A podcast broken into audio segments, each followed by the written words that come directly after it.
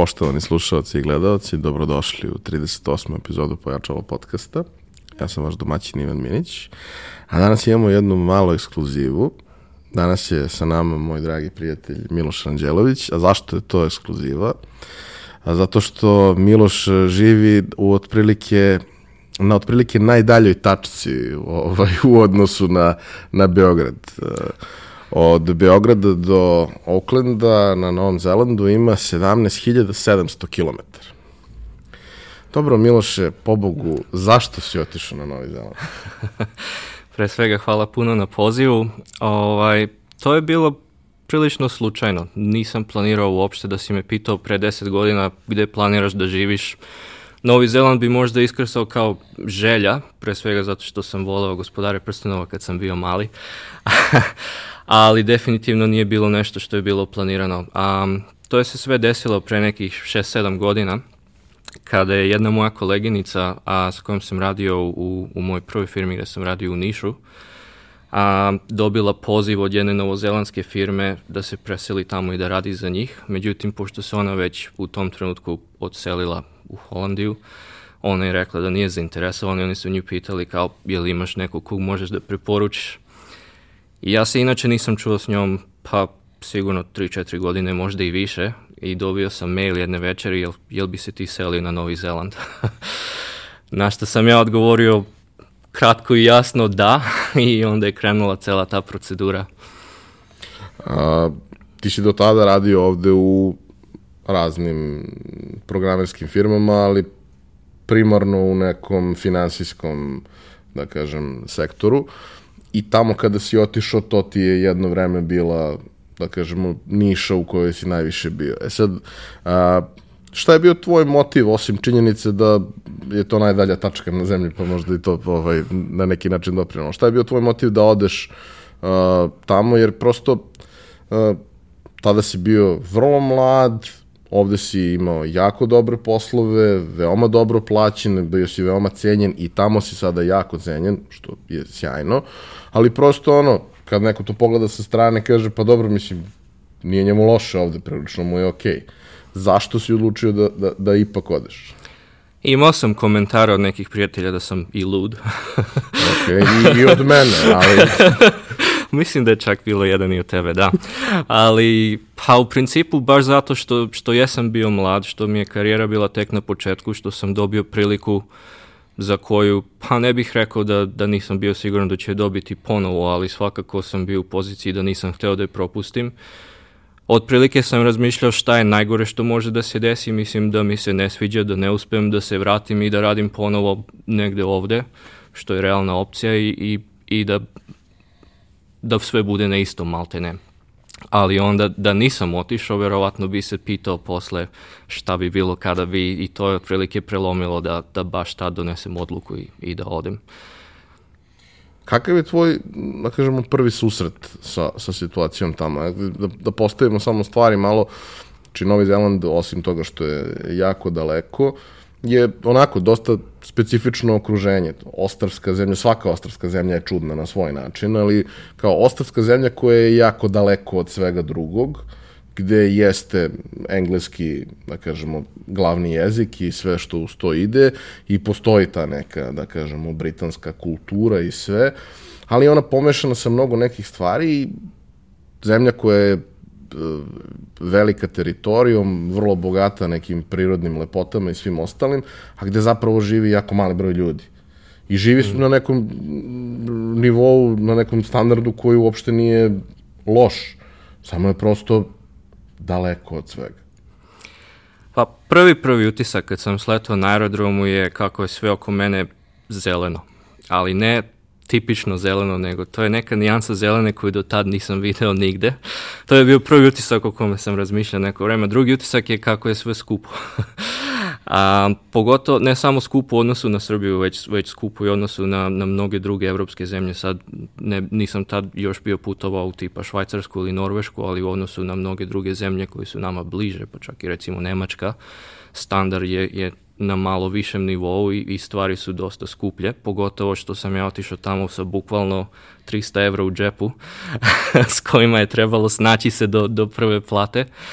Ovaj, Um, ali dobro, mislim, ok, pređi se preko svega toga čemu služe kreditne kartice. um, ali da, Novi, Novi Zeland je zemlja prirodnih lepota. Um, jako je lepo sesti u auto i provozati se malo van gradova. Bukvalno izgleda kao Hobbiton, čak se i Hobbiton, jel te, nalazi tamo i može se posetiti. Um, I to je otprilike nešto što privlači jako puno, ne znam tačan broj, ali mnogo, mnogo miliona turista svake godine ide na Novi Zeland, baš iz, iz razloga što je, što je eto, lepo je sesti i provoziti se, jako puno njih iznajmi one camper venove i onda se vozaju po celom severnom i južnom ostrovu dve, tri nedelje. A, kakva je, da kažemo, konfiguracija same zemlje? Š, a, koji su najveći gradovi, gde se nalaze, koliko je to zapravo, da kažemo, koliko okvirno procenata stanovništva živi u tim ono jako urbanima, koliko je po, po ruralnim regijama i slično. Novi Zeland je podeljen na dva velika ostrova koje se zovu jako deskriptivno Severno ostrovo i Južno ostrovo. um, otprilike najveći broj stanovnika živi na, na Severnom ostrovu. Kad kažem najveći broj, samo da stavim stvari u perspektivu, Severno i Južno ostrovo i ta neka još neka manja ostrova koji su deo Novog Zelanda su otprilike površinski veliki kao recimo Velika Britanija ili Filipini ili... Samo su razvučeni. Samo su razvučeni, tako je. A dok Velika Britanija ima 70 miliona stanovnika, Filipini, ne znam, a par stotina miliona čak, čini mi se, Novi Zeland ima 4,5, skoro 5 miliona stanovnika, tako da a desilo mi se jednom da sam vozio 300 km skoro bez da sam video i jedno jedino naselje ili kuću ili bilo šta. A, a, najveći broj ljudi skoncentrisan je u Oklandu, koji nije glavni grad, ali je najveći grad, tu živi milion i po, možda malo više ljudi sad.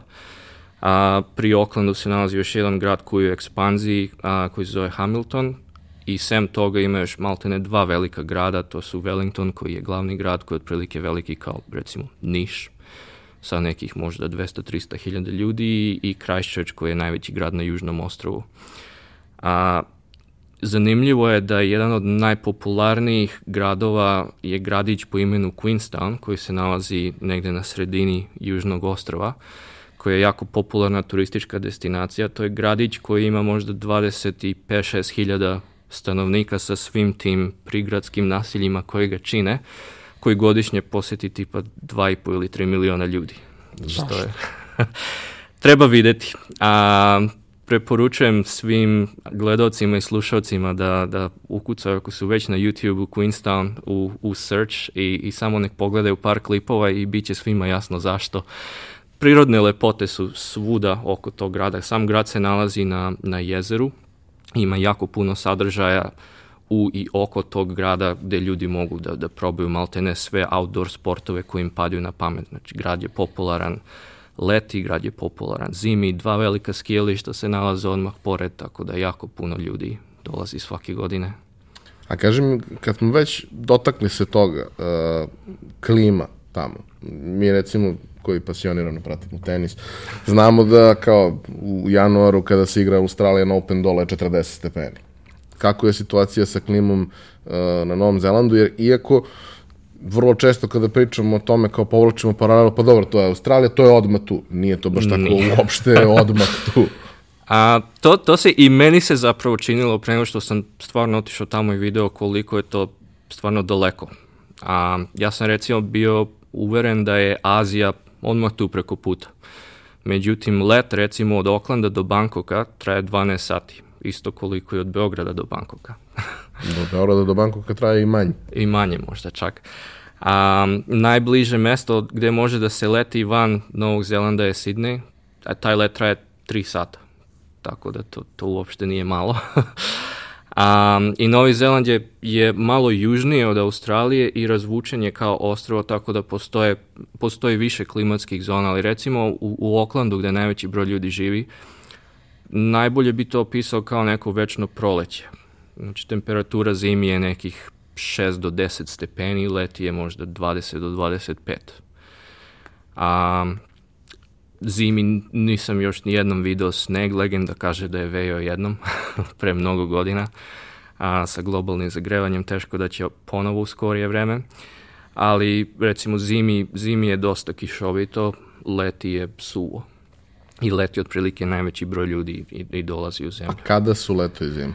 Obrnuto od severne hemisfere. Kad je ovde zima, dole je leto, kad je dole leto, ovde je zima.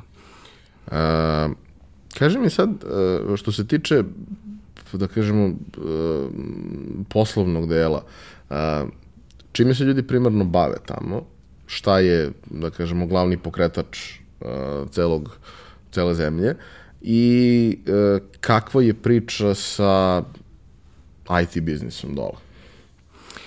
A, Novi Zeland, za razliku od Australije, nema jako puno rudnih i mineralnih bogatstava, nema neku tešku industriju, ne izvozi naftu ili ništa od toga.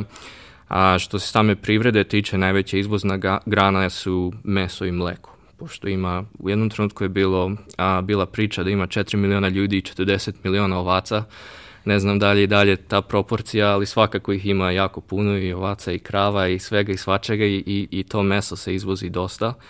A, najviše se izvozi u, u Australiju i u Aziju, naravno. A, tako da je to prilike neka najveća privredna grana, turizam je dosta razvijen, a nakon toga sledi sektor usluga gde spada maltene i, i, i IT. Um, IT firme su dosta ovaj, ima jako puno IT firmi koje posluju što na lokalnom, što na globalnom tržištu. Par IT firmi je ostvarilo prilično značajne globalne uspehe, što je, pa da kažem, malo neuobičajeno za, za zemlju od, od, od 4 miliona ljudi. Ali zato što je zemlja koja je dobro povezana sa, sa, sa bivšim, drugim bivšim engleskim kolonijama, a, sa, sa Amerikom, sa Azijom, ima jako povoljan... Čak taj, taj položaj sa Azijom je možda vrlo značajan. I tekako. Dosta ćemo pričati o tome, jer je to nešto što je neminovna budućnost, da, da. a zapravo svi mi ovde imamo vrlo malo kontakta, osim na nivou naručivanja maskice sa Alija, ali prosto ono, ne kapiramo koliko je to sve zapravo veliko i ozbiljno i kako to sve funkcioniše. E sad, ti si došao na posao, odnosno tebe su zvali za konkretnu poziciju u firmi. Kako je to izgledalo i kako se, da kažemo, tvoj karijerni put razvijao od tada do, do danas? Mogu da kažem da sam jako ponosan na to kako je to sve izgledalo, ali hoću da, da čujem to iz tvog ugla. Ja sam počeo svoju karijeru kao a, programer ovde u Srbiji. Radio sam za dve firme. A malte ne smo radili na istim projektima, pošto jedna firma je bila outsourcovana od strane druge i na kraju su i, i, i kupili i pripojili celu firmu toj drugoj. A, I kao programer sam, sam i otišao na Novi Zeland da radim i radio sam još nekih godina i po dve godine a, to i onda sam a, prešao u product development – sasvim slučajno, pošto sam u firmi gde sam radio sam bio team lead development timu. Product owner nam je bio um, radio na više projekata gde nije baš stigao da posveti puno vremena našem timu i našem projektu. Ja sam krenuo to da radim samo da bi pomogao timu Maltene. I moj menadžer tadašnji um, je došao i rekao mi pa tebi izgleda ovo ide, ili bi ti da probaš da radiš to full time. Što u principu nije, nije to bila promocija, već manje više promena karijere. A, I opet sam bio u poziciji kao i kad sam odlazio iz zemlje, ja bi da probam, pa i ako ne uspe, nema veze, mislim, vratit ću da se, pa to, vratit ću se programiranju. A, ja sam prihvatio tu ponudu, krenuo sam da radim kao product owner, a išlo mi je lepo i nakon toga sam gradio karijeru na toj product lestvici, a, product director i trenutno sam head of product analytics u firmi po imenu Zero. Tako da nisam napisao liniju koda na produkciji, pa možda 5-6 godina sad. A kaži mi, uh, kad kažeš to je, to je promena uh, karijere, odnosno potpuno drugačiji set zaduženja, uh, nekako mi se čini i imali smo neke razgovore ovde sa, sa par kolega, da zapravo tog kadra ovde najviše nedostaje. Odnosno da ti ćeš naći kvalitetan ti developer, ali ne postoji niko ko može sa sposobnošću sagledavanja šire slike i sposobnošću upravljanja teškim ljudima, jer kao je, teški smo, okay, a, da ovaj, osmisli i realizuje cijel nekakav uh, projekat. Uh, kako je tebi, ok, te, ti si nekako prirodno ušao u to i, i preskočio na tu stranu, ali šta su te neke stvari koje su tvoja zaduženja bilo od starta?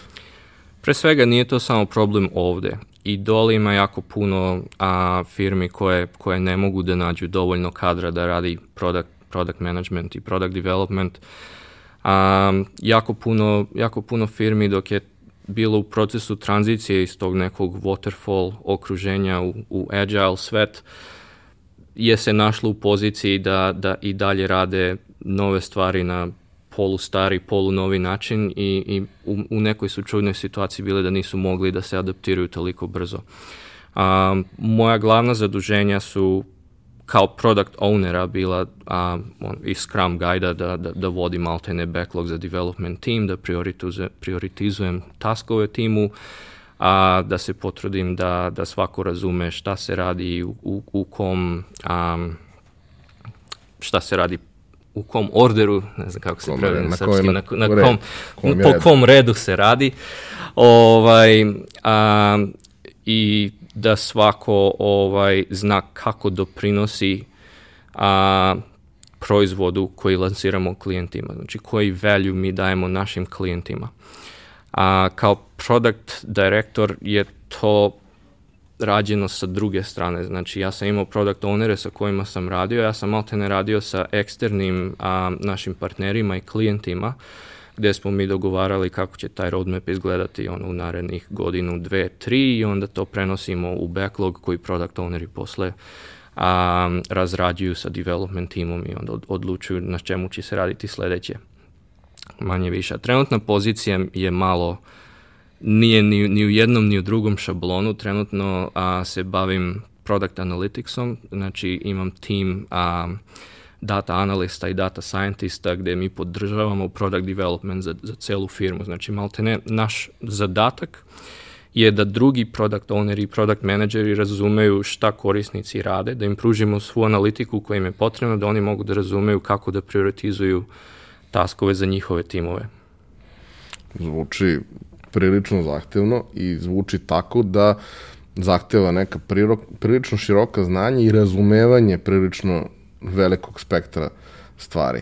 A čini mi se da, osim što to nije postojalo do skoro, da je to uh, opet nešto gde ljudi najčešće uh, stižu tako što kao i ti rade nešto, pokažu talent za ovo i onda se prebace na to, ali već imaju taj background i već su pokazali smisao za to, tako da na neki način ono, imaju potrebne pretpostavke da bi to išlo kako treba. Odnosno, ne pravi se taj čovek, odnosno ne gradi se ta karijera tako što učiš to, nego radiš tako nešto je. drugo, a onda dođeš tu zato što se ispostavlja da ti imaš za tako to smisla.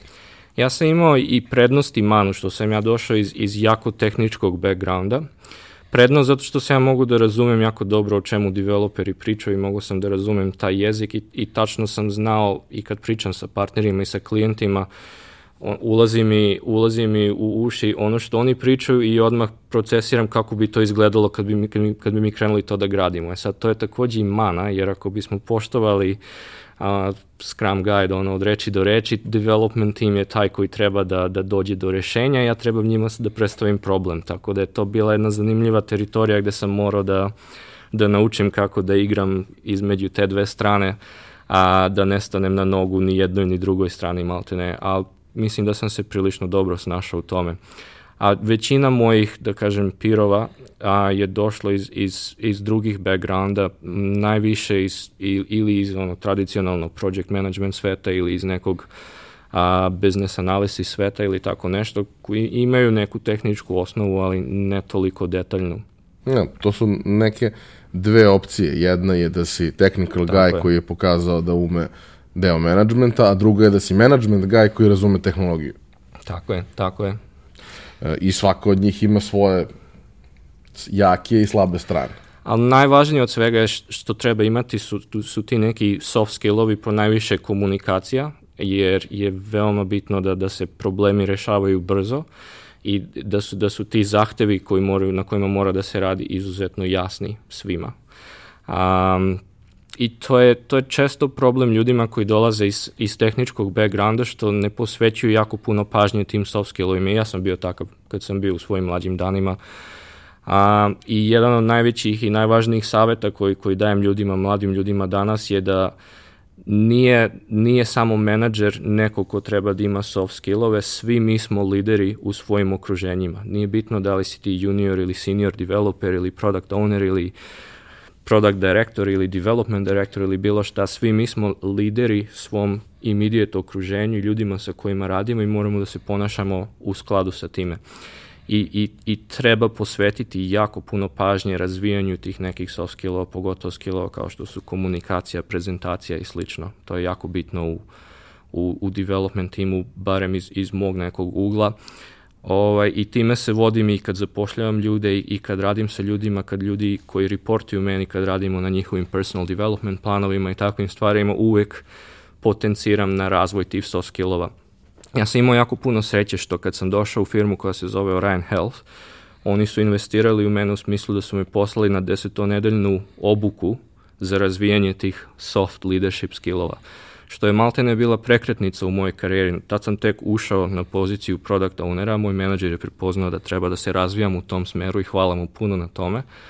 Ovaj, poslao me na taj kurs koji je promenio način na koji ja gledam ne samo na, na, na software development kao, kao profesiju, već na, na, na celu industriju i na generalno rad sa ljudima. Generalno komunikaciju Tako svake je. vrste.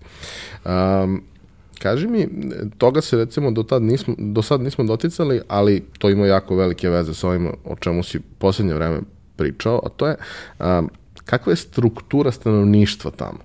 Jer opet pričamo o zemlji koja nije tipična ni u tom smislu. Nikako. Um, ja imam jednu zanimljivu priču, podlavim na tu temu. U mojoj prethodnoj firmi gde sam radio sam, sam imao tim od nekih um, 12-13 ljudi gde smo imali 10 različitih nacionalnosti u tom timu. Tako da Novi Zeland je izuzetno multikulturalna zemlja, a pogotovo u IT-u gde je jako ve veliki broj radne snage dolazi od preko. A, I to se primećuje prosto na svakom koraku. Što se same zemlje Novog Zelanda u celini tiče, a, sve više i više Azijata, a najveći broj imigranata dolazi iz tih nekih azijskih zemalja, uglavnom dođu kao studenti, neki od njih se vrate, neki od njih ostanu. Ovaj, ima, ima dosta i, i, i Maora koji su indigenous narod na, na, na tim prostorima, mislim da ih negde 14-15%.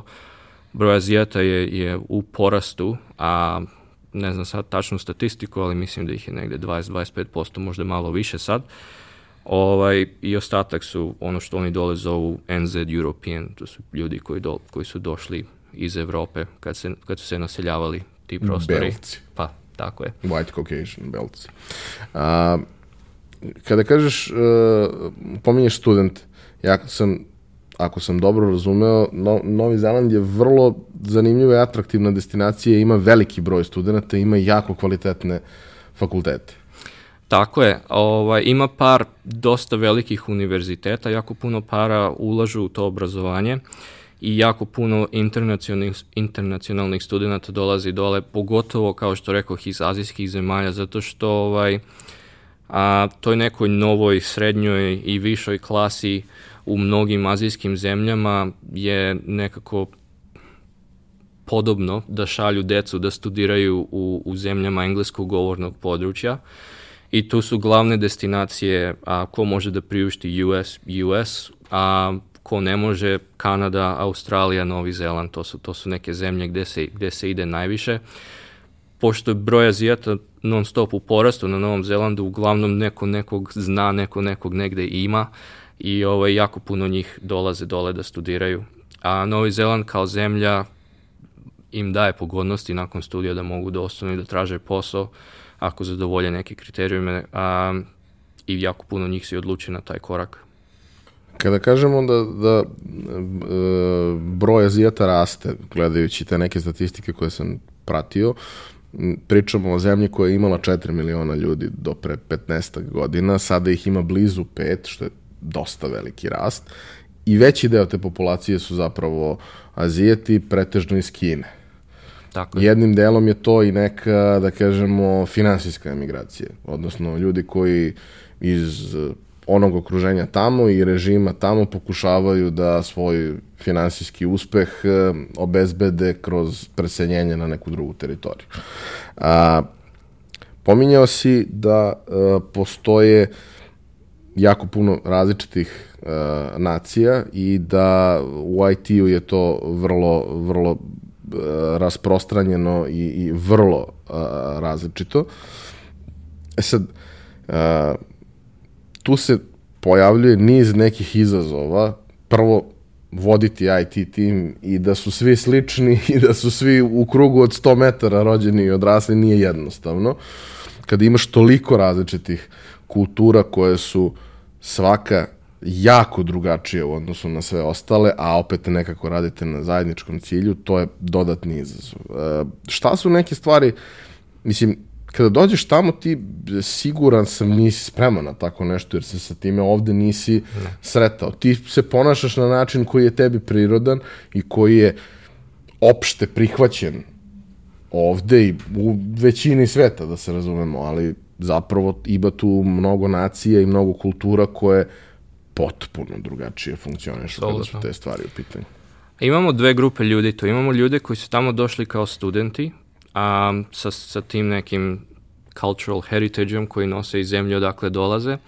I oni su već, pre nego što krenu da ta, traže posao, oni su već neko vreme tu i već su imali priliku da se upoznaju sa, sa stvarima kako stoje dole. A kultura jeste dosta različita u odnosu na mnoge azijske zemlje i recimo mi kad intervjušemo u, u, u svim firmama gde sam radio do sad, najvažniji uslov koji treba da se zadovolji je da neko posjeduje ono što mi zovemo cultural fit da radi za firmu. Um, technical skillovi jesu, što matematičari kažu, potreban, ali ne i dovoljan uslov da neko dobije posao, zato što se vodimo time da, da tehnički je relativno jednostavno i straightforward nekog upskillovati do, do nivoa koji nam je potreban da obavlja posao, ali ako neko nije adekvatan cultural fit, tu već stvari Biće postaju... problem. Tako je, tako je. I ovaj, naravno svesni smo toga da, da ljudi dolaze, pogotovo ljudi koje, koji se intervjušu dok su još u svojim matičnim zemljama, dolaze iz okruženja koje nije blisko novozelandskom, ali to je onda jako bitno prepoznati ko ima potencijal da se uklopi u to okruženje od nekog ko nema. To je jako pipavo, nekad se pogreši naravno, ali je to jako bitno novozelandskim firmama generalno da se neko uklopi u tim. To je najvažnija stvar, da tim funkcioniše kako treba i onda će se postizati rezultati. Jer kad imaš jednog koji odskače, nije problem on jedan, problem je što se Absolutno. muti voda za ceo tim i ceo tim performuje Absolutno. mnogo manje i slabije nego što bi trebalo. Apsolutno. To je još jedna stvar koja je meni bila čudna inicijalno kad sam otišao dole, je što ovaj, obično prvi intervju za programere recimo ne bude tehnički, nego bude taj cultural fit interview gde, gde se postavljaju neka pitanja koja apsolutno nemaju veze sa, sa strukom i profesijom i tek ako prođeš to, onda ide tehnički deo. Ovaj, sad sam već navikao na to, ali, ali da, to, to, to i meni bilo recimo drugačije potpuno.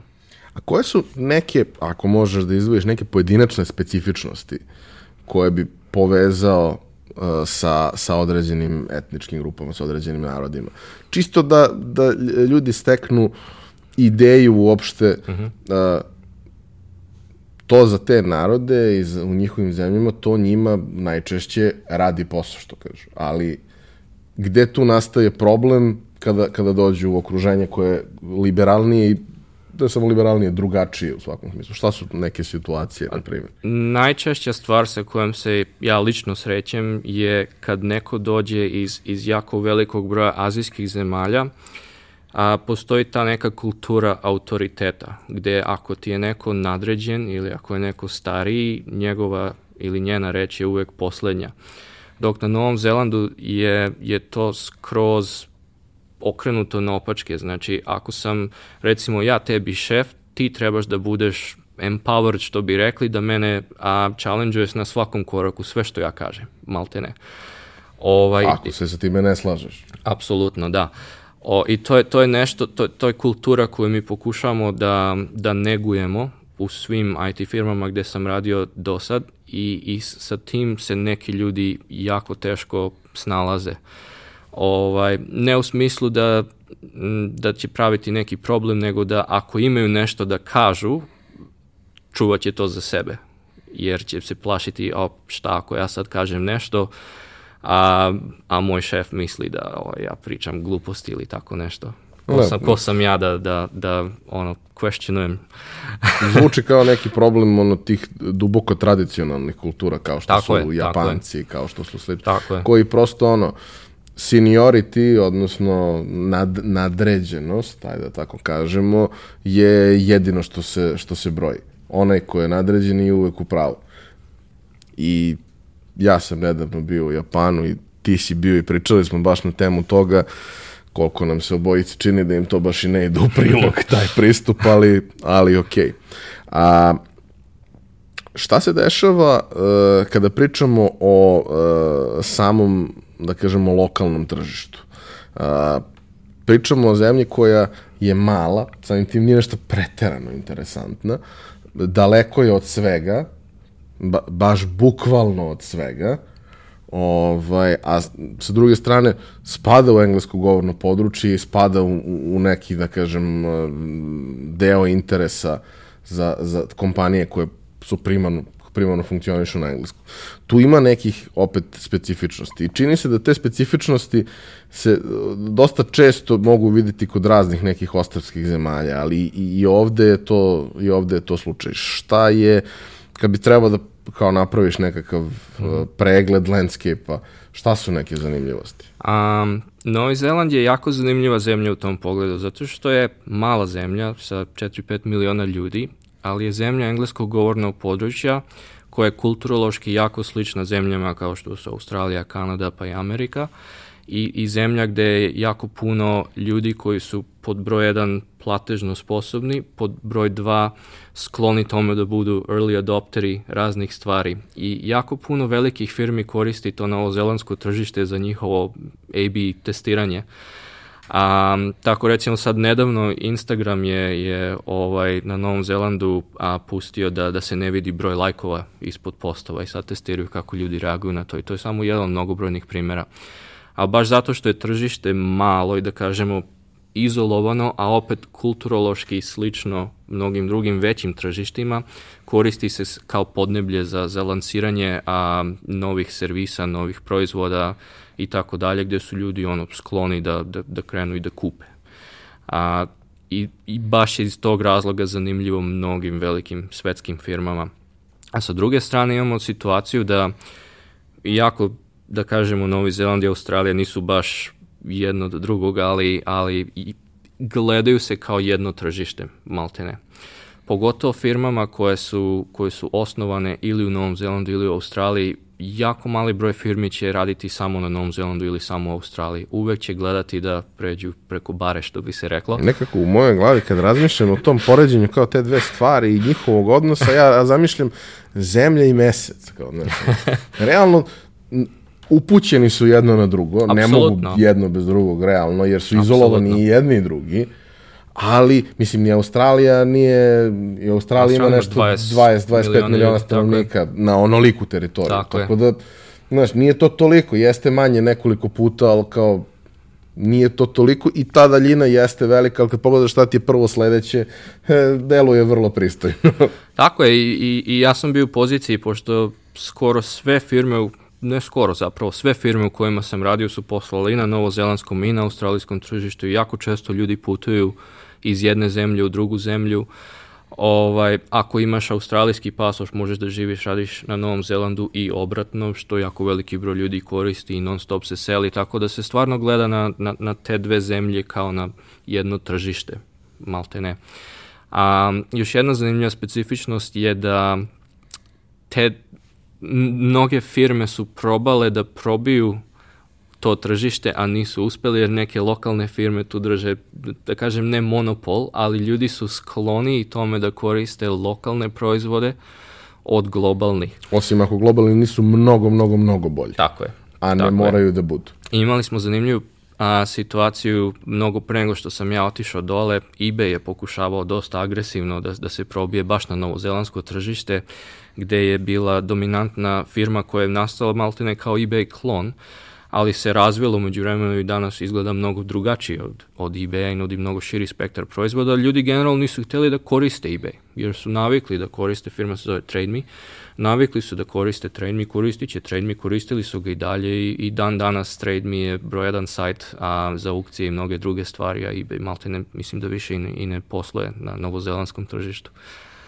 A e, kakva je situacija sa da kažemo, nizom nekih azijskih kompanija, koje opet mi ovde ni ne znamo toliko, ali ja sam recimo bio zaprepašćen time da kada odeš uh, u Japan, od koga očekuješ svašta, ispostavi se da to baš i nije tako. Ti si rekao da Japan izgleda kao muzej, to mi je najbolje objašnjenje, ono, tehnološki muzej, ali jedna od stvari, znaš, kao sve je čudno, sve je drugačije, sve je njihovo, ne rade kartice naše, ono, kartice rade samo na par nekih bankomata i ti bankomati ne izgledaju kao naši bankomati. Mnogo je sve čudno, nešto izlazi na nekoj platformi, a ne izlazi ovako, strašno.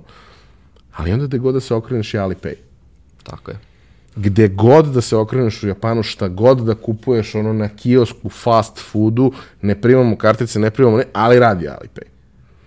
A, kroz, opet, posao, analizirajući neke stvari, jer o tome zapravo nemam mnogo informacija, došao sam i do nekih informacija koje se tiču ono Alibaba Clouda, koji je ono kao pandan Amazonovom AWS-u, koji je takođe nekoliko puta čak veći od, od Amazona, kao kad razmišljaš o tome, ceo internet stoji na Amazonu, manje više.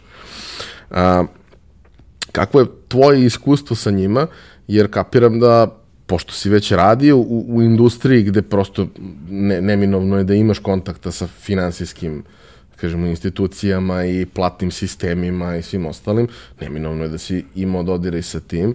Um, kako je izgledala saradnja sa njima i, i šta su ti neki insajti koje si ti dobio u tom procesu koji su za tebe bili wow, a koje, znaš, kao ako uzmeš i googlaš, ne znaš, naći ništa, jer kao informacije ne postoje. Informacije iz 2016. da je nešto pokrenuto je poslednje što možda nađeš. A to sad koristi, ono, 400 miliona ljudi svakodnevno. Ja sam bio u, u, u poziciji da budem jedan od, od ljudi koji su među prvima implementirali a, prihvatanje Alipay-a i WeChat Pay-a a, kao sredstvo za plaćanje na celom novozelandskom tržištu. A, moja bivša firma je se bavila a, payment terminalima i ovaj sa porastom a, kineskih ne samo turista, već i ljudi koji su dole već studenti ili rezidenti, a postojala je jako velika potreba na tržištu da se podrži Alipay i WeChat Pay kao sredstvo plaćanja. Znači, kad govorimo o o kineskim kompanijama, kineskim pre svega, to, to su dve kompanije koje su daleko iznad svih ostalih, to su um, Alibaba koja stoji iza jel, Alipaya i Tencent koji stoji iza, iza WeChata I, i te dve aplikacije, oni zovu u Kini super aplikacije, su aplikacije gde može da se uradi apsolutno sve. Znači, to su aplikacije koje zamenjuju ono što mi znamo i kao Facebook, i kao Instagram, i kao Airbnb, i kao Uber, i kao sve drugo. Sve to se nalazi... Sve su to nekakvi pluginovi za ove stvari. Tako je. Ovaj, I nekako svi ti ljudi koriste ili jednu ili češće obe, a nekad koriste, za određene stvari koriste više Alipay, za određene koriste više WeChat Pay, ali, ali ih koriste i, i traže da to bude prihvaćeno sredstvo plaćanja svugde gde putuju. I a, Alibaba pogotovo ima jako agresivan plan ekspanzije a, na globalnom nivou gde oni žele da gde god a, ti njihovi korisnici aplikacija, to sad više nisu samo kinezi, nisu već krenuli da se šire i, i na druge zemlje, gde god njihovi korisnici aplikacija budu putovali da mogu bez problema da plate. Jer ne žele da, da ljudi nose sa sobom kartice koje, koje u Kini apsolutno se ne koriste više, a ne žele a, sa sobom ljudi da nose cash, već svi nose sa sobom mobilni telefon i ono, plate, konvertuje se po, po, po rati koja je trenutno aktualna i to je to. A pare im stoje već u banci, u, u državi odakle dolaze, gde im već stoji i to je za njih jako jednostavan način ne samo plaćanja, znači to nije samo sredstvo plaćanja, već celo to iskustvo korišćenja aplikacije koje su oni, da kažem, gamifikovali na neki način. Ako ti koristiš recimo Alipay, što više i više imaš one a, kao nivoje koje možeš da dostaneš, ne znam, Diamond, Platinum, Gold user i tako dalje. I što si na nekom višem nivou, to imaš više pogodnosti, imaš bolji kurs, imaš voucher, imaš svašta nešto. I onda ljudi naravno žele da plate gde god mogu, ali PM isto je druga stvar što a, neko ko je turista, recimo Novi Zeland je, jel te, turizam je jako razvijen i jako veliki izvor prihoda, ovaj, jako je veća šansa da će neko ući u tvoju radnju i kupiti nešto ako vide na izlogu ono stiker da primaš Alipay i WeChat Pay, nego ako ga ne vide. A, trebalo je malo vremena novozelandskim a, biznisima sa druge strane da prihvate to. Iako Novi Zeland važi kao tržište koje je generalno prilično napredno kad su te payment tehnologije u pitanju, taj, taj novi sistem plaćanja QR kodovima je mnogim biznisima bio nepoznat. A mi kao biznis smo se trudili da, da ovaj da ih edukujemo o tome i, i držali smo neke seminare, radionice gde, gde dođe neko ko je biznis owner i pitao šta je to QR kod. Kako se to koristi za plaćanje, mislim, nije mi jasno i onda mi njima to pokažemo, objasnimo i a da, ima smisla. Um, Alibaba pogotovo, ja sam bio na, na par nekih a, developer konferencija gde su oni iznosili neke statistike koje su meni stvarno bile wow. A jedna zanimljivost je da Alibaba, to jest Alipay u svakoj sekundi procesira 200.000 transakcija. Što je ogroman broj, svake sekunde. 200.000, 200.000. Um, ne znam tačan broj za, za Vizu i Mastercard, neko je rekao iz publike da je možda 40-50 hiljada komparativno, tako da ovaj, to je... A to je bilo pre nekog vremena, tako da je, je bilo pre poraslo, godinu, dve, tako da je verovatno poraslo među vremenu. Njima je cilj bio da, da dođu do negde 3 milijardi korisnika Alipay aplikacije. Mislim da su tad bili na 800-850 miliona. I ovaj, neko je pitao iz publike kao pa kad ćemo mi australijanci moći da, da koristimo Alipay kao pa dobro vas je 20 miliona ovaj, Niste kad, nam baš prioritet. Kad dođete na red manje više. Pa oni imaju prosto ono, ceo, ceo svet za sebe. Kad ti imaš tržište koje je po defaultu u tvom, tvojoj zemlji milijardu stanovnika, to dosta olakšava stvari. Bila je neka priča za, za uh, Union Pay, odnosno Unipay, kada su izbacili novu aplikaciju da je to za noć downloadovalo nešto 100-200 miliona ljudi. Tako je, tako je, to je apsolutno nemoguće izdati toliki broj kartica ljudima, fizičkih kartica, a za toliko kratko vreme koliko je moguće skinuti aplikaciju i, i, i, i svi ti azijeti, a po najviše kinezi, oni žive u tim aplikacijama i to je, to je neverovatno koliko je to daleko otišlo. Treba videti i, i doživeti. I firme kao Alibaba se trude da, da to proguraju u svet. To je na neki način, mislim, ne, ne može se povući paralela, ali hajde da, da probamo da, da na taj način objasnimo. Ono, Facebook nije uspeo zato što je Facebook super, nego zato što je Facebook ekosistem u kome ljudi imaju gomilu nekih drugih stvari. I ta gomila drugih stvari za Facebook je na nivou 5, 6, 7 vrsta stvari koje možeš tu da imaš igrice, svašta nešto tog tipa i kao to je manje više to. Ovde pričamo o ekosistemu gde uh, postoji niz nekakvih dodataka koji ti omogućavaju razne stvari i postoji mogućnost da svako ko uh, vidi neku potrebu za tim može da razvije svoj dodatak i Absolutno. sebe ugradi u celu priču. Apsolutno. Mi smo imali jako veliki program edukacije novozelandskih, specifično i australijskih donekle biznisa o tome kako pravilno koristiti te platforme. Znači to više nisu aplikacije, kao što kažeš, to jesu platforme gde postoji ceo ekosistem aplikacija koje podržavaju tu platformu.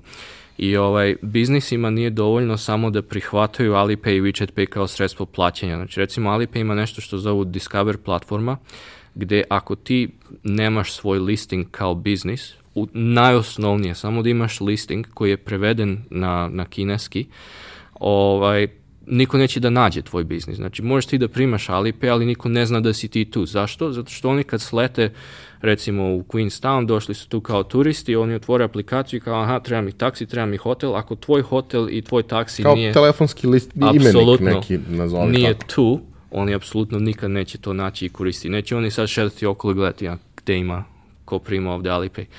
Ovaj, a, a sa druge strane to, to može da se podigne na mnogo veći nivo u smislu da može da se napravi i recimo online shop u okviru toga, da se poručuje kad se vratiš nazad u kinu, ti možeš, ako ti se sviđa recimo novozelandski med koji je izuzetno popularan globalno, ti možeš to poručiš iz Kine preko tog shopa, ti si već video, kupovao si tamo, možeš da radiš promocije kroz platformu ljudima koji su bili tvoji prodavci. Apsolutno, znači to, to je kompletan jedan ekosistem koji treba, ako si business owner koji, koji želi da targetira 3 milijarde ljudi, treba uložiti neko vreme i, i, i, i razviti, um, oni to zovu mini aplikacije koje, koje žive u tom ekosistemu u okviru Alipay, WeChat Pay-a. Ne, na neki način kada, kada, pričamo sa ljudima na te neke teme, srodne teme tome, Znaš, kao komentar je, a dobro kao, ali znaš, kao kinezi su siromašni, ono, prvo kinezi uopšte nisu siromašni, drugo, na milijardu ljudi, nek 1% ima ono koliko ti treba, to je milion ljudi. Apsolutno. Još jedna zanimljiva stvar je što ovaj, jako često biznisi prave grešku da se ne prilagode kulturološki onime što, što ti turisti, pogotovo iz Kine, očekuju. Recimo, ako ste restoran, ovaj, kulturološki u Kini je prihvatljivo da, da ljudi dođu, sednu kao porodica ili grupa prijatelji da jedu zajedno. To su ti share dišovi koji oni dele između sebe, međutim na Novom Zelandu sedne i svako poruči za sebe i jede to. I sad ako, ako, a, ako ti imaš restoran kao biznis i želiš da se reklamiraš tim turistima, da li ćeš staviti sliku četiri ono motoraca koji jedu svako svoj steak ili ćeš staviti porodicu koja deli a, jedan diš između sebe i šta će više privući ljude. Mislim, tako neke stvari a, koje ljudi treba da, da shvate, mislim što su manje više osnove marketinga, samo prilagođene tržištu iz tih zemalja odakle ti ljudi dolaze, ali to je jako veliki potencijal, oni, oni ostavljaju jako puno para u svim tim državama gde putuju, znači nije to Ako samo već Novi imaju Zeland. para da putuju, Apsolutno. to već znači da su prilično Apsolutno. visoko negde na društvenoj lestvici. Apsolutno. Um, kaži mi, uh, dakle, ti si tamo već šest godina i manje više svo to vreme si u finteku na ovaj ili onaj način.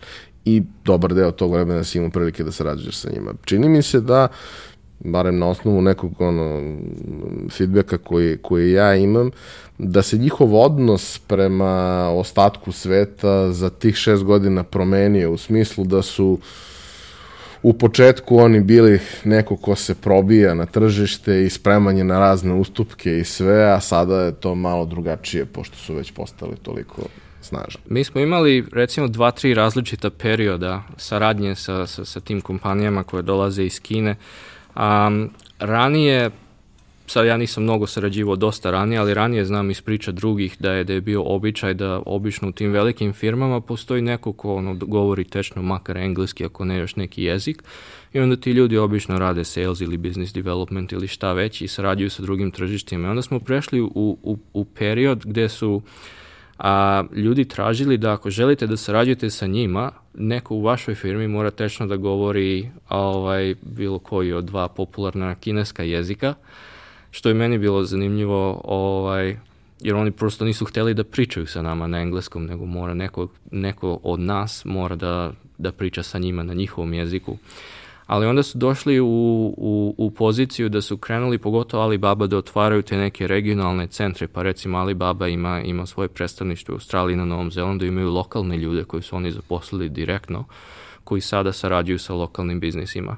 Tako da su ipak malo više otvorili ovaj, za, za to lokalno tržište i olakšali ljudima a, način da, da stupe u kontakt sa njima i da razviju biznis. A, gde god da odeš na polju, ako postoji velika populacija, ili ne mora da bude velika, ali postoji populacija, konkretna populacija, oni imaju kao svoj deo grada gde je, mislim, ono, neki Chinatown negde. Kao, znaš, ja sam mislio to iz filmova, kad sam otišao prvi put, kao to Chinatown, dobro, kao to ima samo u San Francisco, ne, ne, brate, u svakom gradu ima Chinatown, samo je negde veći, negde je manji i negde je veća ona kapija na, na vrati, na ulazu, a negde je manje. A, međutim, a, ako sam dobro razumeo, za te zemlje u kojima oni razmišljaju da se da to bude da na neki način e, trajno preseljenje za celu porodicu, da se tu gradi cela priča, oni malte ne prave svoje paralelne institucije. Pa da, donekle. Ovaj, na Novom Zelandu imaju, imaju oni svoje škole, svoje prodavnice, svoje banke, svoje restorane, gde čak meni uopšte nije na engleskom. Um, čak ni račun nije na engleskom. ovaj, ali, ali zavisi generalno u, u kom periodu su došli. Opet ako su došli kao mlađi, ako su došli kao studenti ili kao mlada radna snaga, nekako su otvoreni da, da se dublje integrišu u to lokalno društvo, dok ako dođu kao malo stariji, pretpostavljam da im, da im više odgovara da kad uđu u banku da neko priča a, sa njima na mandarinskom.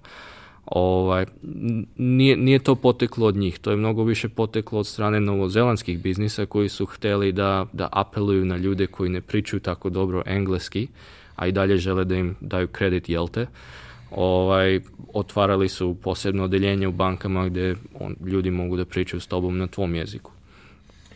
A kakva je situacija sa, eh, da kažem, eh, celom tom uh, i ostalom uh, imigracijom, ljudima koji dolaze tu uh, ne ono tipično trbuhom za kruhom, nego u potrazi za nekim stvarno boljim životom, boljom prilikom, ljudi koji kao i ti dolaze iz dobrog u nešto drugačije, bolje i sa druge strane zemljene kugle. Ima jako puno zajednica, a kad god neka, da kažem, populacija unutar države dostigne neku kritičnu masu, ovaj, prirodno je da se stvore neke zajednice oko toga. Tako postoje, a obično se ljudi skupljaju oko, da kažemo, uslug, uslužnih mesta kao što su restorani recimo, postoje zajednice, ne znam, Filipinaca, Tajlanđana, Japanaca, Korejaca i tako dalje. Mislim, oni opet će imati svoje neke organizacije, mesta gde se skupljaju, a, banke, škole i tako dalje. A samom činjenicom da, da, da ima jako puno njih koji emigriraju tamo, prirodno je da se stvori takva mesta gde, se, gde će se oni okupljati. E sad, a, kako za nekog ko a, je visoko kvalifikovani radnik, nešto što tamo, čega tamo, a i bilo gde drugo nema dovoljno, a, kakav je put zapravo da ono, potraži posao tamo, dosta tih firmi sada već i traže ljude van svog nekog neposrednog okruženja, svesni da ih neće tamo naći. Ovaj, kako izgleda ta cela priča, odnosno šta je nešto što ti misliš kao neko ko je to prošlo da bi ti ljudi trebalo da znaju? Pa ima dva puta koji su najčešći prvi slučaj kad neko traži da ide specifično recimo na Novi Zeland. Um, postoje različite kategorije um, work i residence vize koje mogu da se traže. Obično se krenu od work vize koja se kasnije konvertuje u, u status rezidenta, mada neki ljudi krenu odmah i, i, i traže status rezidenta, ali oni imaju tu neku kao skilled migrant kategoriju. Uh, i na sajtu Immigrationsa novozelandskog tačno je naveden spisak ono, svih uslova i predislova koji moraju da se ispune, čak imaju i online kalkulator gde popuniš upitnik i izbaciti okvirno broj poena i ako imaš određeni broj, otprilike znaš da možeš da apliciraš i da očekuješ um, da ćeš biti u dobroj poziciji da dobiješ tu vizu. Drugi način je da firme traže ljude koji žive van, koji možda nisu razmišljali o tome da, da će se ikad seliti i van svoje zemlje, ne samo novi, na Novom Zelandu. Ovaj, I postoji, postoji određeni broj firmi koji imaju specijalan status kod immigrationsa na Novom Zelandu, zato što prosto te firme ne bi mogle da rastu i da se razvijaju ako nemaju pristup tom talentu van zemlje. A na neki način pričamo o firmama koji su ključni igrači, ključni Absolutno. nosioci tržišta od kojih. Hm, na neki način zavisi budućnost tako države. Je, tako je, to su firme koje direktno guraju ekonomiju napred I ovaj, Immigrations je svestan toga da, da, da ne postoji prosto dovoljno ljudi na tom lokalnom tržištu koji mogu da zadovolje potrebe tih firmi i te firme imaju poseban status. One su akreditovane od strane Immigrationsa da mogu da zapošljavaju ljude preko grane. Ovaj, to ne znači da će opet moći da zaposle svakog kog žele, opet ti ljudi koji dobiju tu ponudu za posao moraju da prođu kroz proces dobijanja vize, o, ali, je, ali ne postoje poeni kalkulatori i slično, nego prosto ako, ako dobiješ ponudu za posao takve firme, ako ispunjavaš još neke uslove koji su propisani od strane immigrationsa, to je relativno straightforward proces u tom slučaju. Kaži mi za ljude sa ovih naših područja, kažem naših područja, mislim manje više na ceo Balkan, Hrvatska, Rumunija, Bugarska, Srbija, sve to tu. To je isto populacija koja tamo nije, nije mala. Po, postoji raste i dosta naših ljudi je razmatralo u nekom trenutku, posebno u onim periodima kada su ljudi se raseljavali po celom svetu i to je negde bila ovaj, to je negde bio jedan od puteva gde se može otići. Možda najdalji do duše, ali jedan od puteva.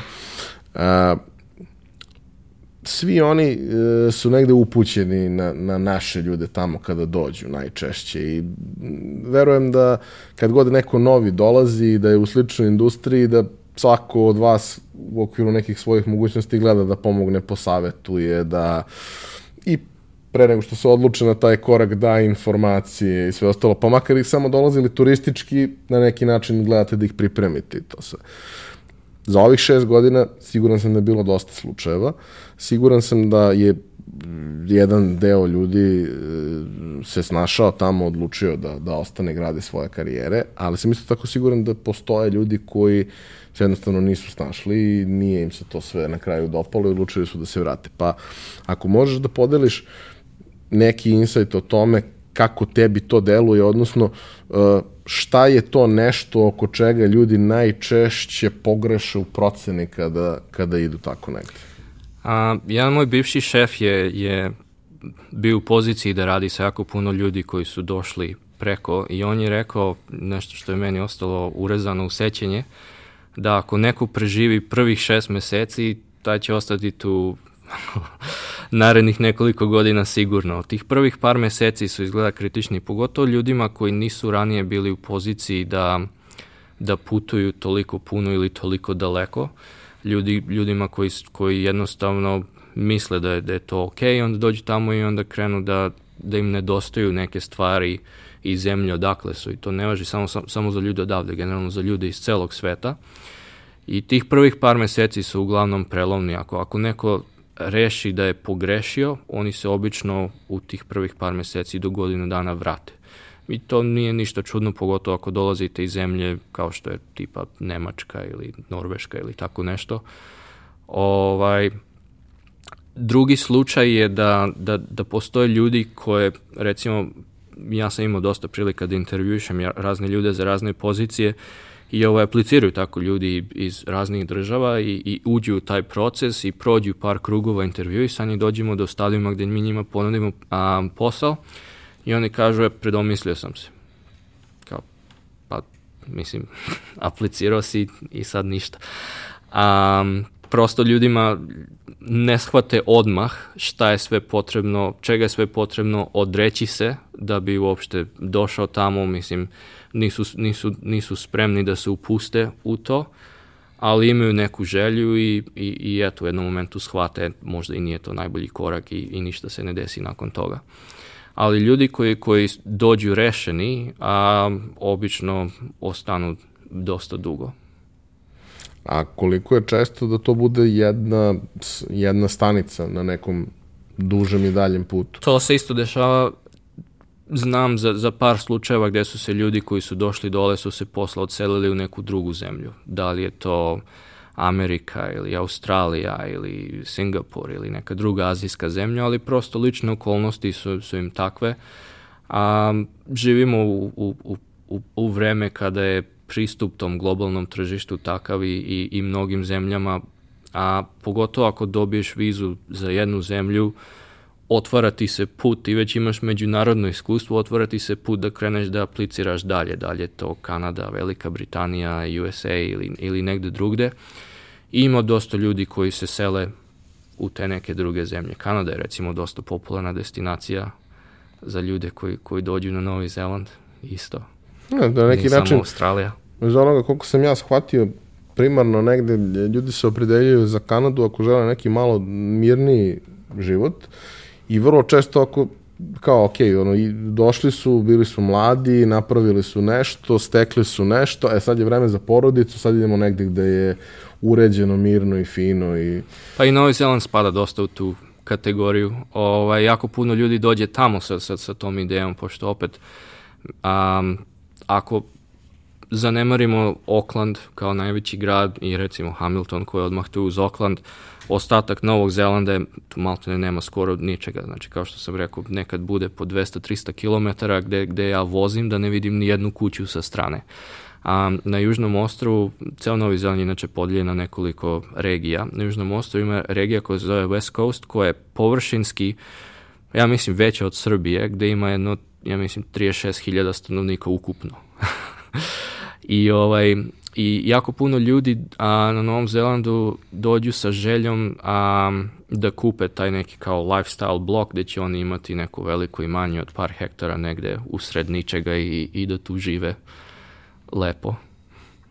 E, jedna od stvari sa kojima bih volao da, da, da negde zaključimo ovaj razgovor je to da um, došao si iz sredine gde m, finansijska pismenost je na vrlo niskom nivou.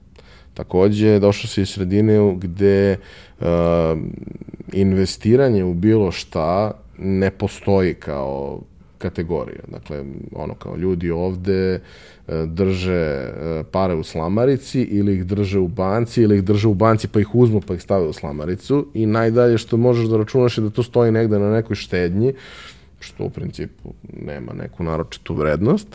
A, mislim, ne, uvećava se cela priča, a, došao si u društvo u kome je to dosta drugačije. Šta se u tom smislu ono izdešavalo sa tobom zato što znam svaki put kad se vidimo a prođe po nekoliko godina između tih stvari znam da si svašta nešto probao da si svašta nešto uradio da si mnoge neke jako lepe dobre i pametne odluke napravio a ne, neću da kažem da nije, da nije karakteristično za tebe da ih napraviš, ali nije karakteristično za nekog odavde da na taj način razmišlja, planira i možda kontrolisano rizikuje, ako da kažemo tako. To je nešto što je meni jako žao, što ja nisam imao prilike kad sam bio, jel te, još mlađi, da se susretnem sa tim onako propisno i da probam, makar i pogrešio, a grešio sam, naravno.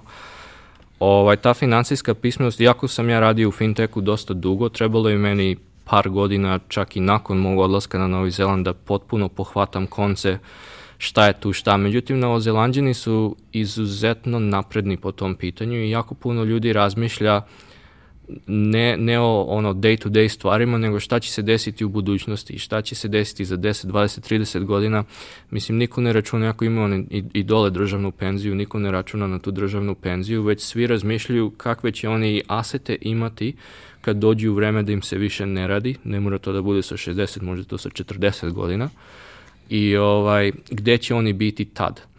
A, I to je mene podstaklo da kroz, jel te, prvo razgovor sa mnogim ljudima, pa onda neko moje istraživanje lično, a googlanje maltene, i na kraju krajeva a, sam bio u situaciji da dosta stvari probam i, i, i da steknem neki uvid u ceo taj svet a, tog investiranja.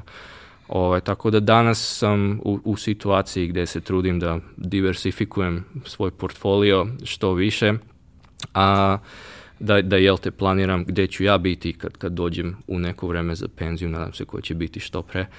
A, kako da investiram na duže staze, kako da investiram pametno, mislim, bio sam u situaciji gde sam i, i dobijao i gubio na investicijama, ali prosto moraš da probaš nekad i sam, a pogotovo ako si tvrdoglav, i da vidiš šta valja i, i šta ne valja. I ovaj, oni imaju dole jako puno i knjiga i blogova i podcasta i, i svačega nečega što može da ti pomogne na tom putu. ali generalno je dobra stvar što se jako puno pod broj priča o tome među ljudima koji su voljni jel te, da, da podele svoju priču sa tobom. A druga stvar je što je relativno jednostavno ući u sve to kad se rešiš. A meni je bilo prosto, taj svet mi je bio ono čudan kako ja da kupim akcije neke firme, mislim, da li meni treba broker, da li meni treba, mislim, kako ja plaćam porez na dobit od toga, šta, šta se s tim radi, nemam pojma. I dan danas ne znam kako bi to funkcionisalo u Srbiji, da budem iskren, ali dole to izuzetno streamlinovano, znači postoje aplikacije koje ti možeš da downloadeš na telefon gde ti možeš doći da kupiš bilo koju akciju neke firme ili bilo koji indeks fund, a, i oni, oni plaćaju porez umjesto tebe dobiješ tax statement na kraju godine ako sam plaćaš svoj porez i, i to je izuzetno jednostavno. A, tako da sam ja ušao u taj svet, a krenuo sam da, da, da, da isprobavam razne stvari na, na raznim frontovima, a krenuo sam da investiram u privatne penzione fondove i mnoge druge stvari i, i da prosto planiram svoju finansijsku budućnost. Nije, to, nije cilj svega toga da ti budeš, ne znam, milioner ili milijarder kad napuniš 60, već da ti život bude predvidljiv u smislu da ti znaš da ćeš moći da zadržiš isti kvalitet života koji imaš danas i kad budeš imao i 40, 50, 60, 70 tako da dalje. znaš na što možeš da računaš. Apsolutno.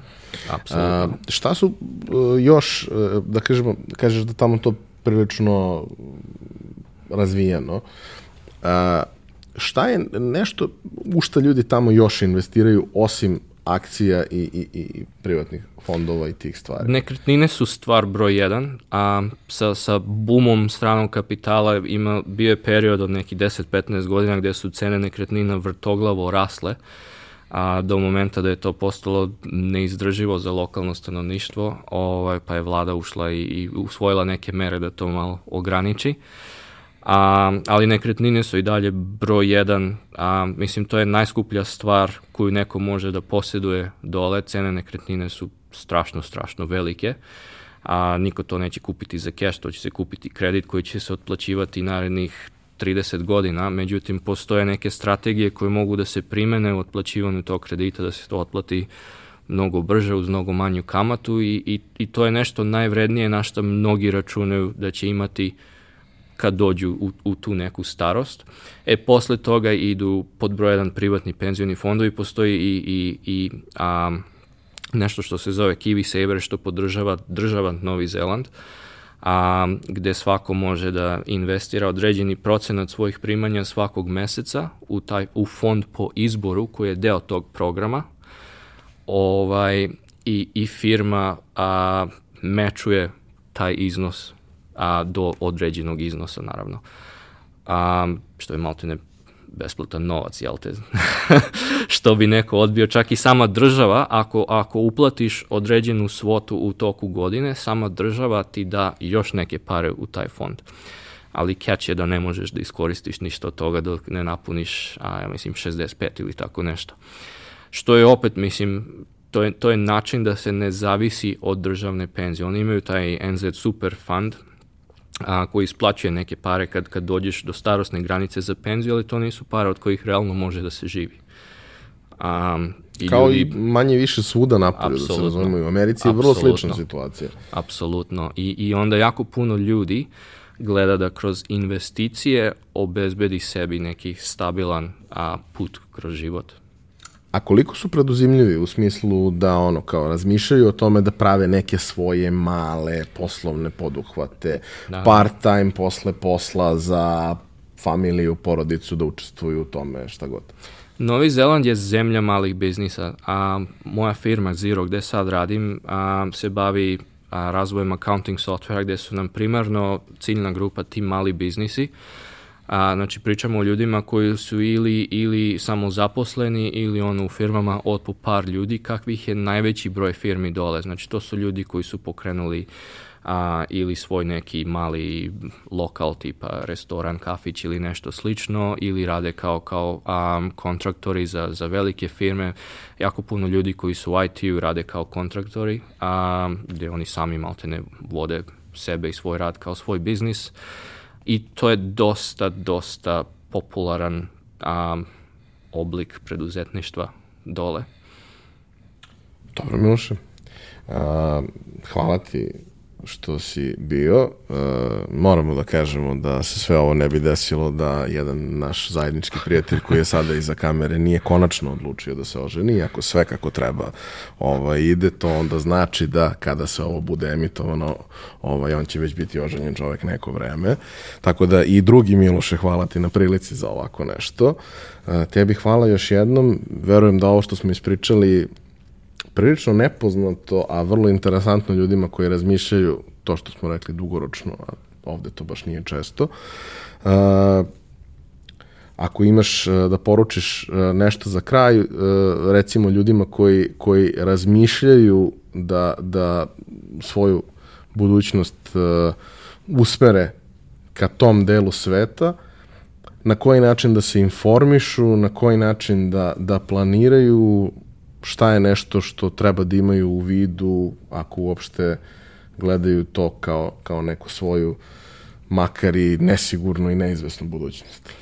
Najbolji način je da, da se ode direktno na sajt Immigrationsa. Um, Novi Zeland se dosta trudi da, da cela ta administracija i birokratija bude što jednostavnija i što razumljivija svima. Sve se radi online. Uh, ovaj, svako može da ode na, na sajt da vidi koji su zahtevi za aplikaciju, koji su zahtevi za svaki tip vize, šta je potrebno priložiti u dokumentaciji. To su sve prilično standardne stvari. Ovaj, treba biti naravno pod broj 1 ako neko donese odluku da, da želi da se seli, treba biti prilično siguran u toj odluci. jer jeste veliki korak koji će zahtevati žrtvu, neće sve biti na svom mestu od, od prvog dana, čak naprotiv, proći će neko vreme, ako imate određeni standard života ovde, vratit ćete se unazad prvo nekoliko koraka dok ne dođete ponovo u situaciju da, da imate isti standard i dole i da rastete iz toga. Prosto zato što ste već ovde u nekom okruženju, u nekom ritualu, navici i slično, a dole dođete i nemate ništa, iznajmite stan koji je prazan. Uh, Ovaj, treba biti siguran u to, definitivno je izvodljivo, treba biti uporan u toj aplikaciji. Ako već imate a, znanje i kvalifikacije za neki posao i želite da se iselite, mislim, nijedna država me neće reći nemoj da dođeš. Ako, ako možeš da prineseš ekonomiji ovde, apsolutno dođi. Možda Japan će reći. Ok, nemoj. da. da. mislim, oni su stvarno posebni po mnogo čemu. Miloše, hvala ti. Hvala puno na pozivu. Poštovani slušalci i gledalci, vama hvala na pažnji, kao i do sada. Iskoristite priliku i pošaljite nam sve vaše komentare, predloge i sugestije. Željno ih iščekujemo jer na neki način mi sve ovo radimo zbog vas i vi ste jedini način da mi ovo radimo bolje. Hvala.